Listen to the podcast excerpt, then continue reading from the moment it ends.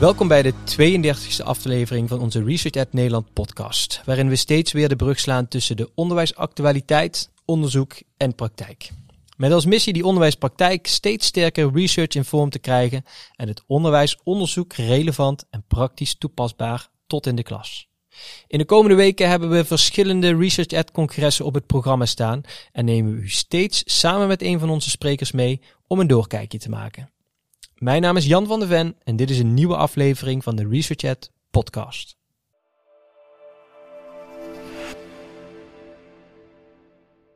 Mijn gast van vandaag was leraar van het jaar voortgezet onderwijs in 2009 en is tot op de dag van vandaag docent Engels op een middelbare school. In zijn lessen benadrukt hij iedere dag weer de waarde van literatuur, onder andere tijdens Fastlane English, een versterkte taalopleiding met cultuur als angtepunt dat hij zelf ontwikkelde en waarmee hij verschillende VO-scholen hun Engels onderwijs verzorgen. Als bestuursvoorzitter van de Stichting Leraren van het Jaar bekleedt hij diverse onderwijsadviesfuncties waarin hij de cruciale rol van de leraar in het maatschappelijke, politieke en academische debat benadrukt. In 2021 promoveerde hij aan de VU in Amsterdam met zijn proefschrift getiteld War in the Classroom. Een studie naar het effect van oorlogsliteratuur als burgerschapstoel in het onderwijs. Op 5 oktober spreker op onze regionale editie in Laren en spreekstalmeester bij een nieuwe leraren van het jaarverkiezing. Welkom, Andrew Niemeyer.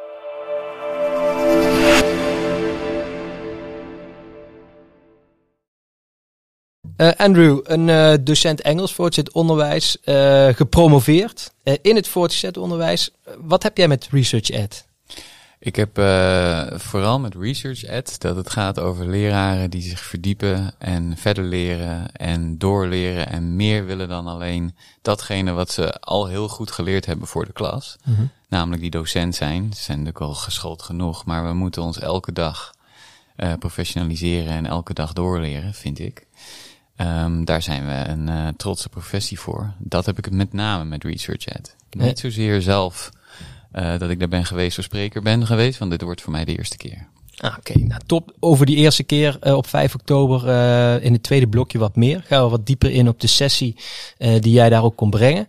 Um, eerst heel eventjes naar uh, wat, wat actualiteit. En uh, met jou wil ik het eigenlijk even gaan hebben over de aanstaande uh, leraren van het jaarverkiezing.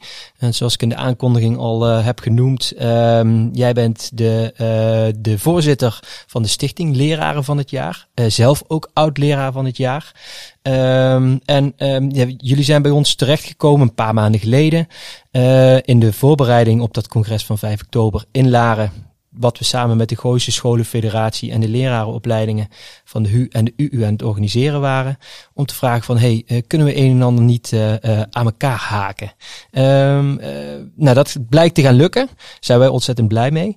Um, die leraren van het jaarverkiezing, um, hoe, waar zitten jullie nu in die oploop na 5 oktober?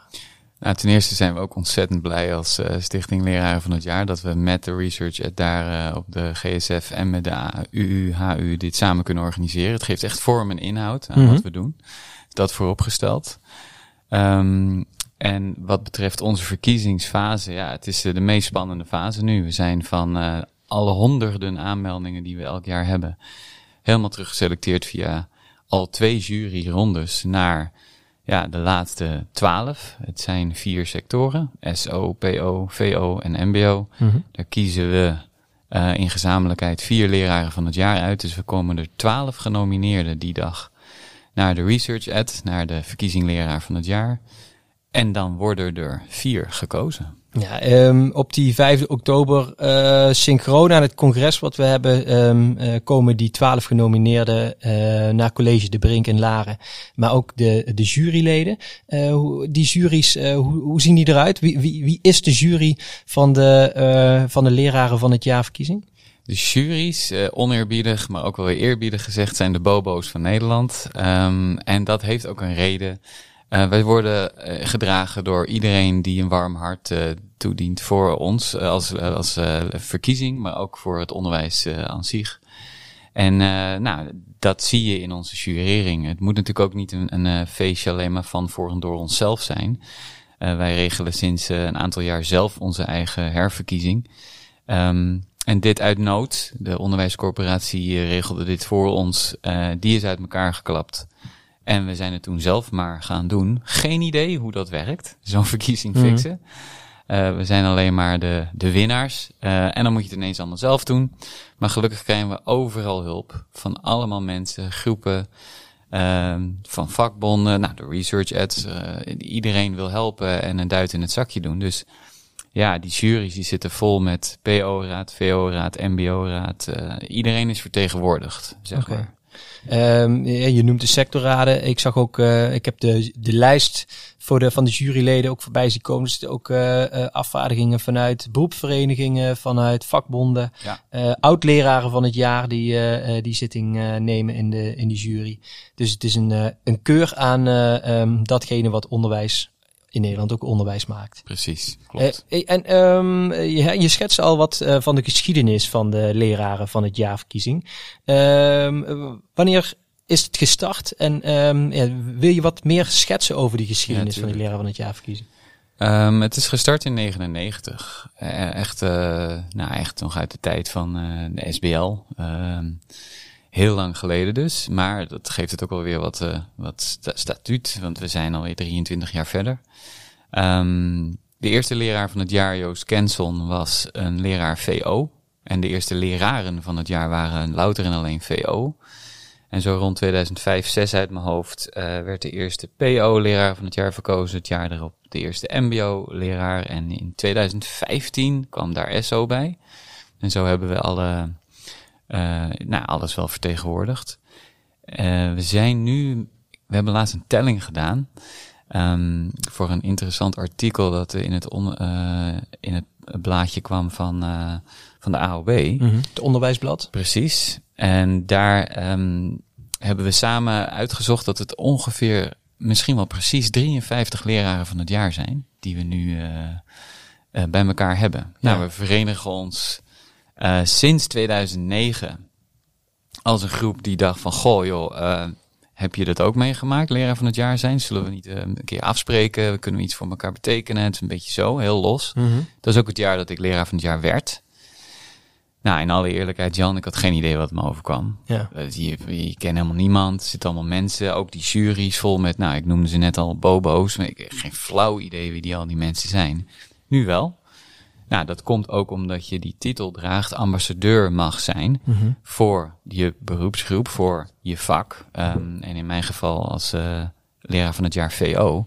En dan zit je ineens aan tafel waar geen leraar komt. Ja. Uh, helaas is dat nog steeds zo. Heel vaak zitten wij aan tafels en dat is fantastisch om te doen. Maar dan zijn we de enige leraar daar. Nou, dat is precies waarom we er zitten en waarom we blij zijn dat we dat kunnen doen. Nou, die uh, vereende krachten uh, zorgen ervoor dat we nu een heel sterk netwerk hebben. Niets meer en niets minder. Dus iedereen van ons, ik noem een, uh, nou, Jasper Rijpma, is een bekende leraar van het jaar die groeikracht heeft opgezet. De man van 300 miljoen is hij, is hij genoemd. Daisy Mertens, die in, de onderwijsraad zit. Ik kan zo wel doorgaan. Ehm, onze huidige leraren van het jaar, als ik Ismail of Kirsten noem, dat zijn leraren met enorm veel exposure. Um, dat willen ze zelf, dat zoeken ze zelf op. Ze focussen op hun eigen kwaliteit. Het is niet iets wat we hen opleggen. Er zit er niet een keurmerk voor of een gedraag je zo. Um, maar het zijn stuk voor stuk leraren die voor passie, vakmanschap uh, in het beroep staan en heel trots zijn op dat ze leraar zijn. En graag ambassadeur zijn, dat jaar lang. Die ambassadeurstitel, hè, uh, je benadrukt dat nu al een paar keer. Uh, ik ben zelf ook in 2019 uh, genomineerd geweest. Uh, voor, de, uh, voor de titel leraar van het jaar. Ik heb dat toen samen met uh, uh, Thijs Rovers hebben we gezegd van goh, ehm, nou wij zouden eigenlijk alleen als duo genomineerd willen zijn. We waren allebei los genomineerd. En dat is uiteindelijk ook gehonoreerd. we zijn overigens niet geboren dat jaar. Ehm, maar wat ik wel een beetje meekreeg ook in die tijd. Um, is dat het, uh, het ongemak af en toe erin zit in die verkiezing van leraren van het jaar. Dat het vaak ook door externe media geframed wordt als de beste leraar van het jaar. Um, terwijl jij nu ook al een paar keer, ik denk ook wel bewust, uh, dat woordje ambassadeurstitel uh, laat, laat vallen. Uh, kun je daar iets over zeggen over, um, um, ja, over, dat, over die dynamiek die er zit tussen het zijn van een ambassadeur van je, voor je sector, voor je beroep, ten aanzien van het predicaat wat je soms krijgt opgeplakt, ook als je ergens mag komen opdraven, als de beste leraar van het jaar? Ja, dat is een hele goede vraag, Jan. Het is, uh, als ik alle 52 andere leraren van het jaar achter mij had staan, zouden ze het allemaal herhalen. Van, nee, we zijn niet de beste. Maar we mochten de ambassadeur zijn. En natuurlijk is het spannend. Want als je uit honderden geselecteerd wordt, is mij ook vaak gevraagd, word je geselecteerd dan? Is nou door, meestal in de eerste plaats leerlingen. Dus ik heb mij ook gevraagd, ook oneerbiedig, oh ben je de coolste leraar zeker? Ik was toen nog een jonge vent, dus die zal wel heel erg grappig zijn voor de klas of heel populair zijn. Nou ja, met alle respect, maar niets is minder waar. Je zorgt wel degelijk voor een goede les, met een begin en het einde, een kop en een staart. Natuurlijk ben je een, een vakman of een vakvrouw. En, en, natuurlijk sta je daar iets te brengen waardoor je nou, misschien iets meer in het uh, licht springt als die leraar die zo bijzonder is voor je. Um, maar het is misschien een beetje um, soft om te zeggen of cliché, maar er zit op elke school een leraar van het jaar hoor. En niet één, maar wel meerdere. Alleen niet iedereen heeft de wil en de tijd om een ambassadeurstitel te gaan dragen. Het is ook niet niks, moet ik zeggen. En dan kom ik ook echt op voor alle leraren van het jaar die dit hebben gedaan. Die komen van, uit het kleinste dorp of de grootste stad. Uit alle uithoeken van Nederland. En ineens staan ze in de landelijke media. En staan ze nou, eigenlijk uh, hun kop boven het maaiveld uit te steken. Nou, doe dat maar eens in Nederland. En doe dat ja, maar eens in het onderwijs. Ja, iedereen vindt daar wat van. Dat vindt uh, iedereen wel wat van. Ja, maar het zijn niets meer en niets minder dan super passievolle leraren die graag uitkomen voor het beroep wat ze uitdragen en daar graag, nou ja, de ambassadeur spelen. Dus inderdaad, niet de beste, maar wel de ambassadeur. nu heb je al ook belicht hè, dat het uh, best wel ook een uh, zoektocht is geweest, met name eigenlijk in de afgelopen jaren. Hè. Jullie zijn als verkiezing een tijd lang ondergebracht geweest bij nou, de onderwijscoöperatie, zoals je zelf hebt genoemd. Uh, in 2019, toen ik zelf genomineerd was, zaten we net in die switch.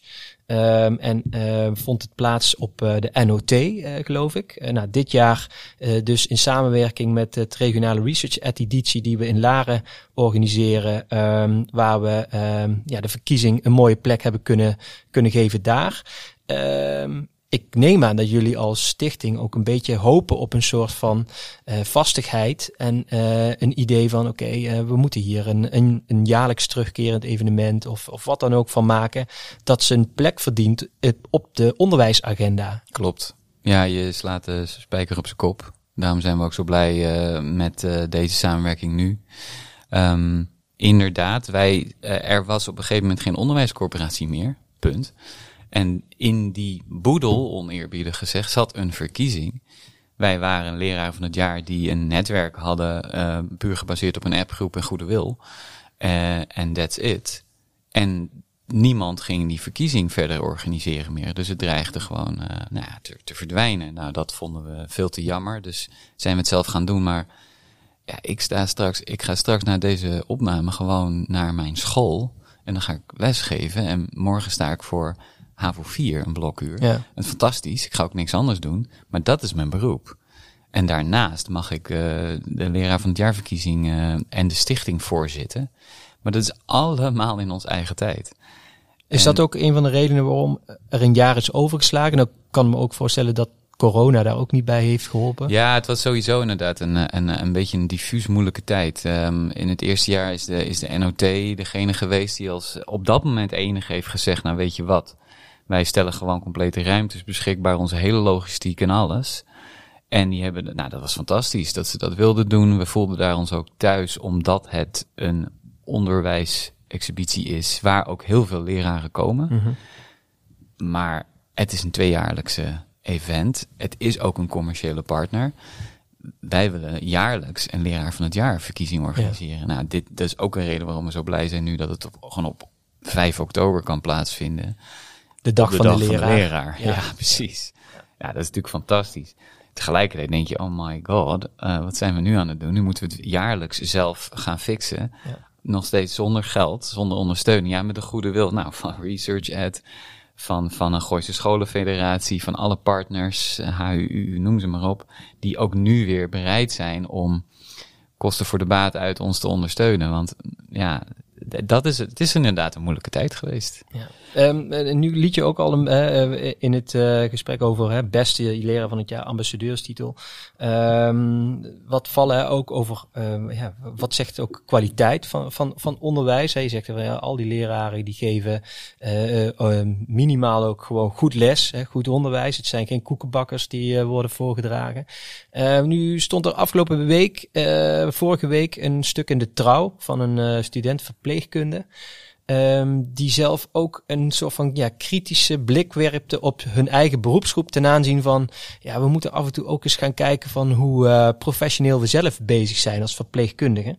Um, nou, daar werd ook het evidence-based of evidence-informed werken uh, genoemd, hè, dat het behoorlijk in opleiding wel gestimuleerd werd. Op het moment dat je dan op de werkvloer komt, dat dat soms naar, de, naar de achtergrond weg hebt. Um, als je daar, als je met zo'n blik ook naar, naar je eigen beroepsgroep leraren. Je loopt er al een tijd in rond. Uh, verschillende sectoren die, uh, waar je mee te maken hebt, ook rondom die verkiezing. Hoe is het gesteld met, um, met het kwaliteitsbesef in onze beroepsgroep? Nee, ehm, het is dapper dat je het überhaupt durft te zeggen op deze podcast. Dat is, zo is het gesteld. Durven maar eens over te beginnen.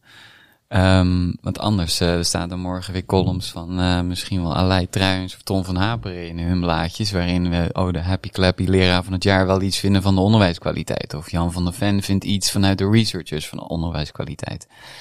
En dat is, het is wel echt iets wat me nou aan het hart ligt. In mijn jaar als in 2009 durfde ik te zeggen dat ik vond dat er meer eerste graders in het onderwijs moesten komen, dat er meer uh, doorgeschoolde leraren moesten zijn, dat er meer onderwijskansen en tijd vooral, mm -hmm. dus groeikracht moet komen voor leraren, door onszelf georganiseerd om een krachtige beroepsgroep te worden. Daar kreeg ik heel veel bijval voor, maar ook heel veel, nou ja, shit over me heen. Van, oh god, deze meneer de eerste grader, die vindt zeker dat de tweede graders niet uh, goed genoeg zijn. Of uh, die denkt hij wel niet dat hij is. Maar dat is helemaal niet wat ik bedoel. Ja. We hebben gewoon tijd nodig. We staan daar te lesboeren soms. We geen, geen, geen seconde tijd om buiten dat veld om ons eigen vak te verdiepen. Maar dat moeten we echt durven doen. En we moeten durven bespreken over onze um, beroepsgroepskwaliteiten.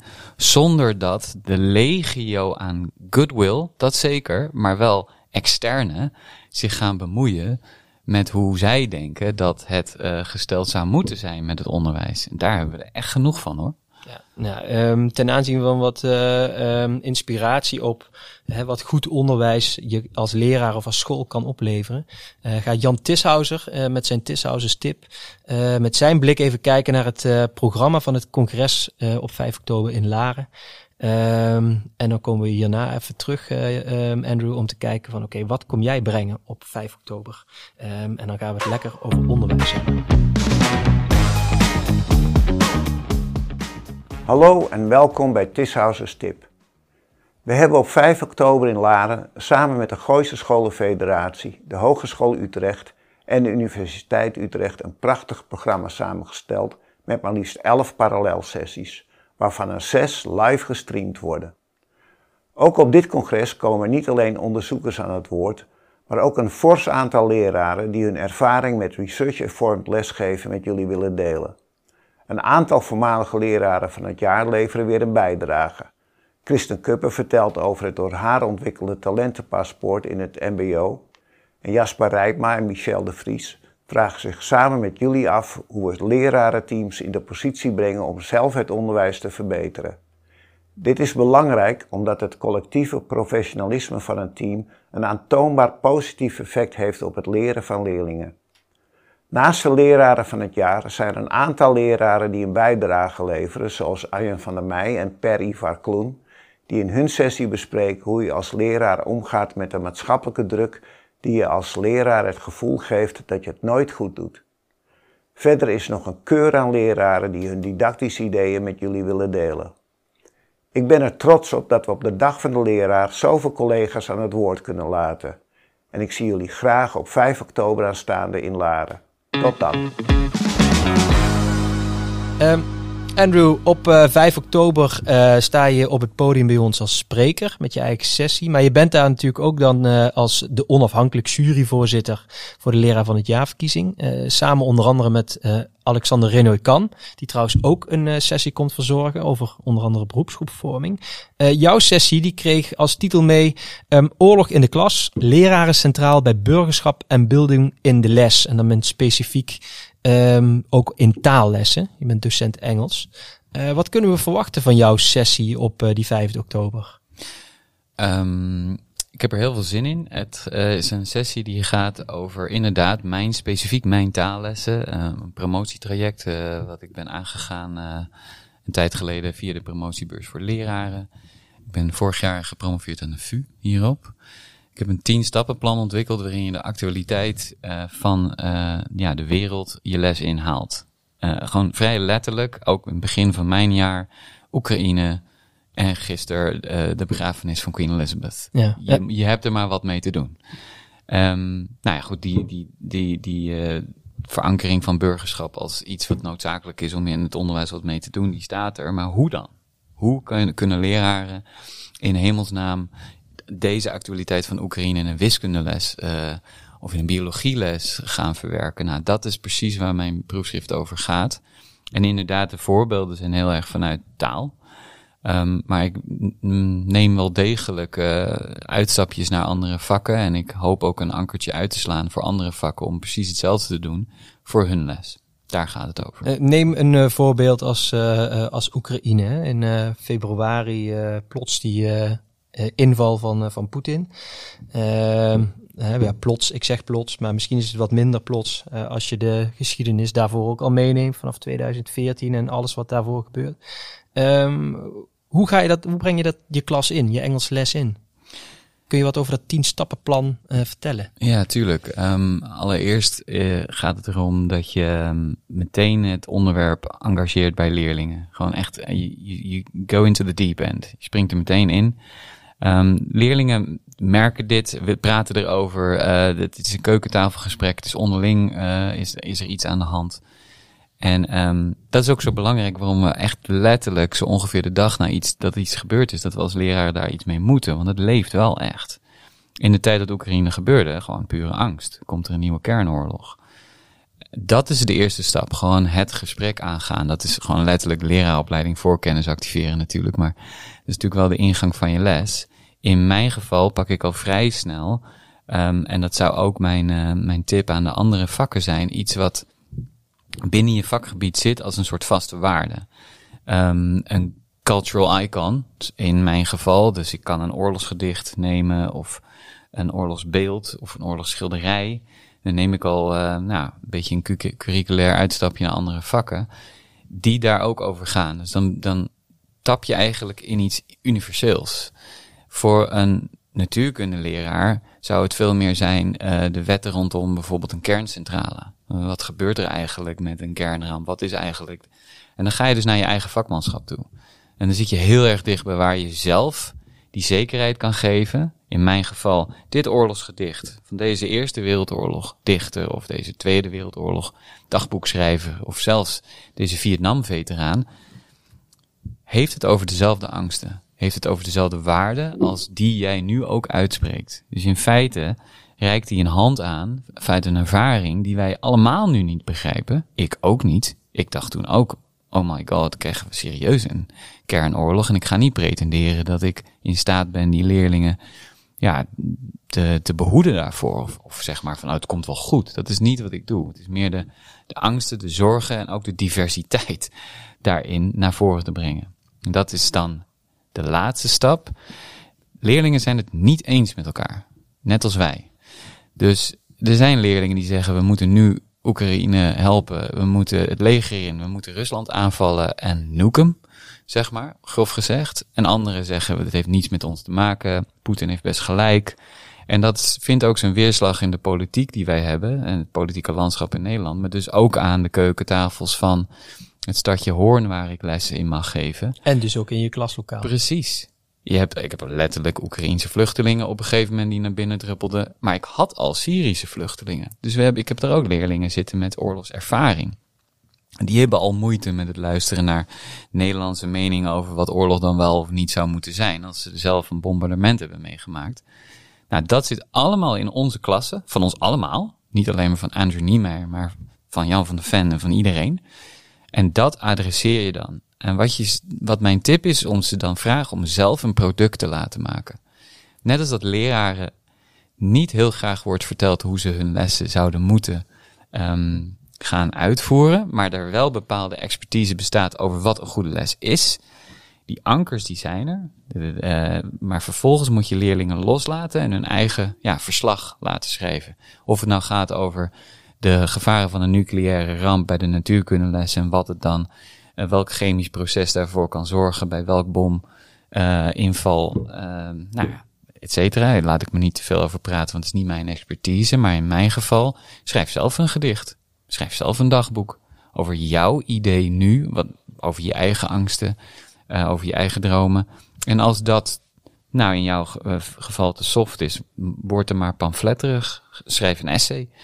Je hebt, je hebt een, uh, um, een zin opgenomen in jouw uh, omschrijving van je sessie, uh, die me hier aan doet denken, namelijk dat je dat stappenplan ook hebt ontwikkeld om die handelingsverlegenheid onder docenten tegen te gaan.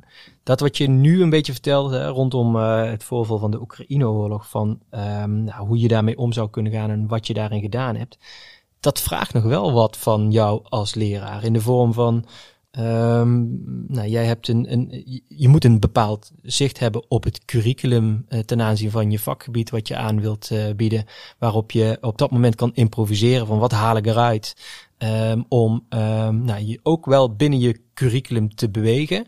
Uh, daarnaast, hè, wat je zegt van extra curriculair, kan ik ook nog kijken of ik er wat verschillende vormen bij kan, kan, kan verzinnen. Het vraagt iets van je um, bewegingsruimte ten aanzien van dat je leerlingen vrij kan laten om dat eigen product te maken.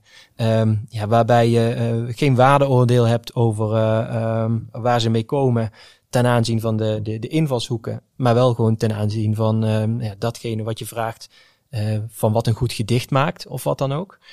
dat vraagt dus nogal wat om daarop te kunnen improviseren als leraar. Klopt helemaal. En de langetermijnadvies is dan ook om het niet een standalone les te laten zijn.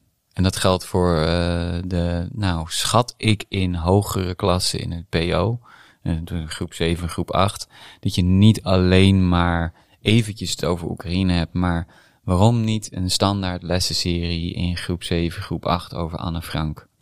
Heel veel van die dingen waar Anne Frank over schrijft, uh, zijn ook de, de, de, de angsten en, en, en de hopen en de vrezen van vluchtelingen op dit moment. Eh, identiek zelfs, zou ik willen beweren. Um, hetzelfde geldt voor, voor mijn lessen. Als ik al een bestaande lessenserie heb, of in ieder geval ruimte creëren in mijn curriculum. Want het klopt wat je zegt hoor. Je, er moet inderdaad redelijk veel ruimte zijn en vakkundigheid om te kunnen bewegen. Um, dan is het gewoon iets makkelijker invoegen. Mm -hmm. Ja, dat, dat merkte ik gisteren al met de vijf klassen die ik achter elkaar les gaf. En mijn wens om gewoon de beamer aan te zetten en livestream uh, eh, BBC coverage van um, de begrafenis van Queen Elizabeth te laten zien. We nemen dit op bij de dag na de begrafenis van, van de Queen. Um, het, raakt ook trouwens aan een vraag die uh, Jelmer Evers uh, voor je had vanuit, die, vanuit de vorige aflevering. Ehm, van of er een, een onderwerp is waar jij recent over ja, misschien ook wel mee geworsteld hebt van oké, hoe breng ik dat mijn klas in? En uh, heb je dat ook rondom uh, de Queen gehad? Ja, de bereidwilligheid van leerlingen is wel hoog. Toen ze overleed was het van nou, nou, well sir, we know what our lesson is going to be about today. Ja. zeg, hoezo? Ze nou de Queen? Weet je wel, ja. dat, dat is dan de reactie van die kids. En nogmaals, ik geef uh, M3 tot en met VWO 6. Dus het is alle leeftijden en alle niveaus. Dat is ongeveer gelijk. Wel VO, maar goed. het zal ongeveer gelijk zijn overal. Maar je kan, het is niet, zet even de beamer aan, ga kijken. Ik zit de krant te lezen, ik check mijn mail en ik vul me gisteren in en zo. Ze hebben uh, even een beetje een begrafenisje gekeken. Ja. Dan moet je wat mee. En dat maakt het spannend. Want dan krijg je reacties als, nou, ik heb helemaal niets met monarchie, wat een poppenkast. En waarom kijken jullie eigenlijk naar? Dat is een, een Britse koningin. Waarom zijn er al die staatshoofden uit Afrika? Is dit eigenlijk niet neocolonialisme? Nou, dat is weer een wat slimmere kijk op dingen misschien. En dat komt allemaal samen. Um, daar moet je inderdaad heel divers. En daar, heb je, daar moet je iets op verzinnen waardoor het bes, uh, beslagen ten ijs komt. En dat was dus spannend aan mm -hmm. die lessen gisteren. Niet alleen maar aanzetten, Maar dat ik ook op een gegeven moment, dat gebeurde in het, uh, het vijfde uur, zoals je dat noemt, dan kreeg je die twee minuten stilte. En de laatste keer dat ik twee minuten stilte uh, moest houden, en dat moest, dat was na uh, de Parijs-aanslagen in 2015 november. Um, dus bijna zeven jaar geleden, toen in Europa werd afgesproken, we gaan op maandagochtend om 12 uur twee minuten stil zijn. En dan zit je met je blokuur Engels, of je wiskundeles, of jij zat met groep 7 of 8 of 6. Mhm. Ja, iedereen moest stil zijn. Wat doe je dan? Van de fan, wat doe je dan? Niemeyer? Ja, ga je maar gewoon stil zijn en dan maar weer verder? Of grijp je het aan om iets te doen? Die les toen mislukte falikant. Er was echt rumoer in de klas. Er waren leerlingen die zeggen, zeiden tegen de, um, de Marokkaans-Nederlandse leerlingen die ik in de klas had: Oh, uh, Mohamed, ga je een aanslag plegen? Ja. Het werd heel agressief. Anderen zeiden: Ik ga het leger in. Anderen zeiden: ja, Het zijn allemaal racisten hier. Ik had compleet geen controle over die les. En daar werd eigenlijk het zaadje geboren van hoe krijg ik wel controle? Hoe krijg deze tot leraar van het jaar genomineerde uh, leraar Engels controle over wat ik wel noodzakelijk achtte van ik moet hier iets mee mm -hmm. als docent. Nou, dat stappenplan is een ankertje voor mezelf geworden eigenlijk, puur uit noodzaak en uit passie. Ik moet dit toch aankunnen met mijn kids. Um, maar ook um, ja, uiteindelijk als een handreiking voor alle leraren. Ja, dat stappenplan, hè, dat heb je geformuleerd uh, uh, in, in, gedurende je promotie. Uh, noem eens één ding uit dat stappenplan op. Um, wat uh, die handelingsverlegenheid die je nu bij jezelf beschrijft, hè, wat je 2015, 16 uh, uh, onderging. Um, ja, dat daar echt een verandering in teweeg heeft gebracht. Eén ding uit dat um, stappenplan waarvan je zelf denkt van oké, als ik dit nou eigenlijk tien jaar geleden al geweten had, dat had me heel wat moeilijke momenten in, in de klas bespaard. En dan zou ik toch, uh, dat is een goede vraag Jan, uh, als ik dan denk aan die moeilijke klas, dat was een hele lastige, moet ik zeggen, die klas heb ik nog steeds hoor. Um, dan zou ik meteen zeggen dat ik toen um, veel sneller had moeten gebruik maken van uh, de, de, ja, niet lesmaterialen, maar die cultural icons die ik noemde. Ik ben op een gegeven moment met die klas Vietnamfilms gaan kijken. En dan zou je denken, van, wat heeft dat in godsnaam te maken met de aanslagen in Parijs? Maar daardoor pacificeerde bijna die klas tot één gezamenlijk project. Zagen ze dat ik echt wou engageren. Ze, voelden, ze, voelden zich uh, echt en, en, uh, gezien en gewaardeerd. Enorm. En ik maakte daar een project van. En via een hele lange omweg, lang is drie weken, um, om toch terug te komen op wat het betekent voor een Amerikaans land om in oorlog te zijn in, in een ver gebied. En dan te gaan naar wat er gebeurt hier in Europa nu in een tijd van heel veel aanslagen. Want kort daarop volgde Brussel en daarvoor Londen en mm. noem maar op. Konden ze veel beter reflecteren op uh, iets wat eigenlijk onpartijdig was. Iets wat een eeuwigheidswaarde heeft. Een iconische film, ja, staat los van waardeoordeel. Uh, Anne Frank, ja, je hoeft hem maar te noemen, dan gaat er een, een heel register open aan mogelijkheden. En dat is ook deels mijn passie. Ik merk dat, om bij Anne Frank te blijven, dat steeds minder les wordt gegeven over haar. Dat we allemaal maar denken van, ach joh, iedereen kent haar. Maar ze verwoordt wel tot een soort toeristisch symbool. En niet meer tot het inhoudelijke onderwerp wat het kan zijn in die lessen. En dat betreft zou ik ook leraren of het PO of VO is en ook MBO.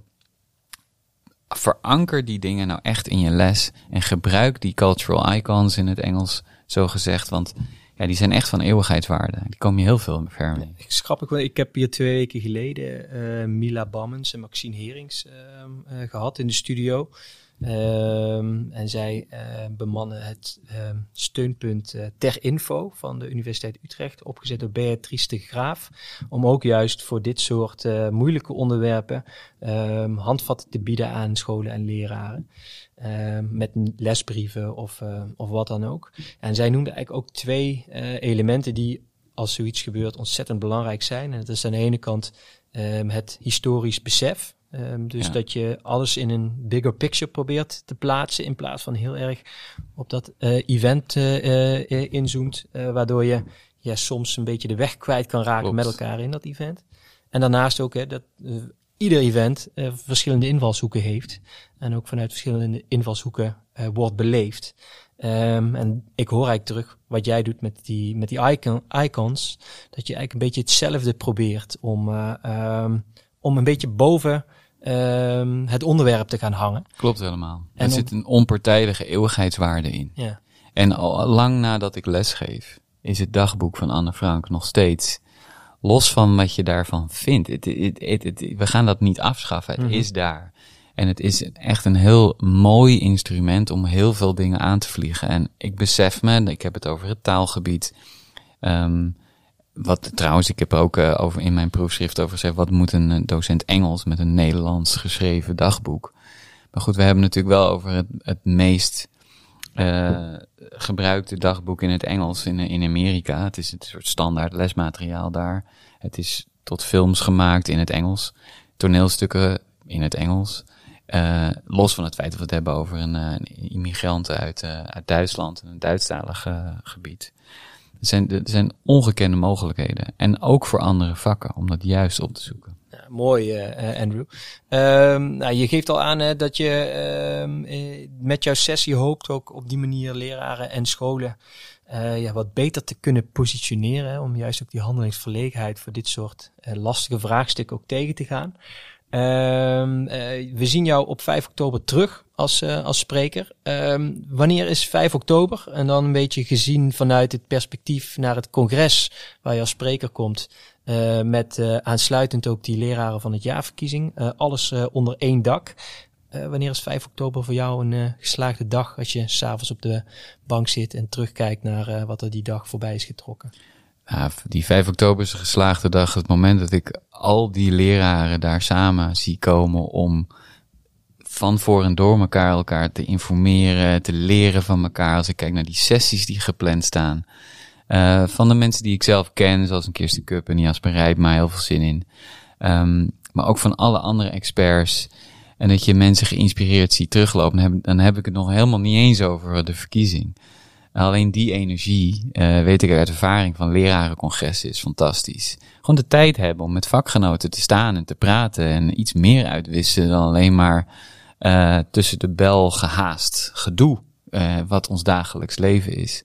En dan ook nog mogen afronden met, ja, wat toch echt een feestje moet zijn voor alle twaalf genomineerden, niet alleen maar voor de vier winnaars, dat we zo ons vak vervolgens in de spotlight mogen zeggen, zetten. Nou ja, dan word ik heel tevreden, uh, zijg ik neer op de bank die avond. Nou, daar gaan we het beste van maken op die 5 oktober, Andrew. Dat gaan we samen doen.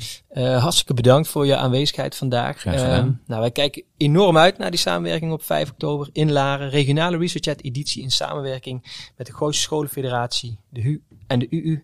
De leraren van het jaarverkiezing uh, maakt een fantastisch onderdeel van uit. Um, een groot congres, onder andere een keynote van, uh, van Edith Hoge. Um, en een prachtig programma uh, dat te vinden is um, op onze website. de leraar van het jaarverkiezing, zowel als een groot deel van het congres, zijn overigens ook heel gratis online te volgen.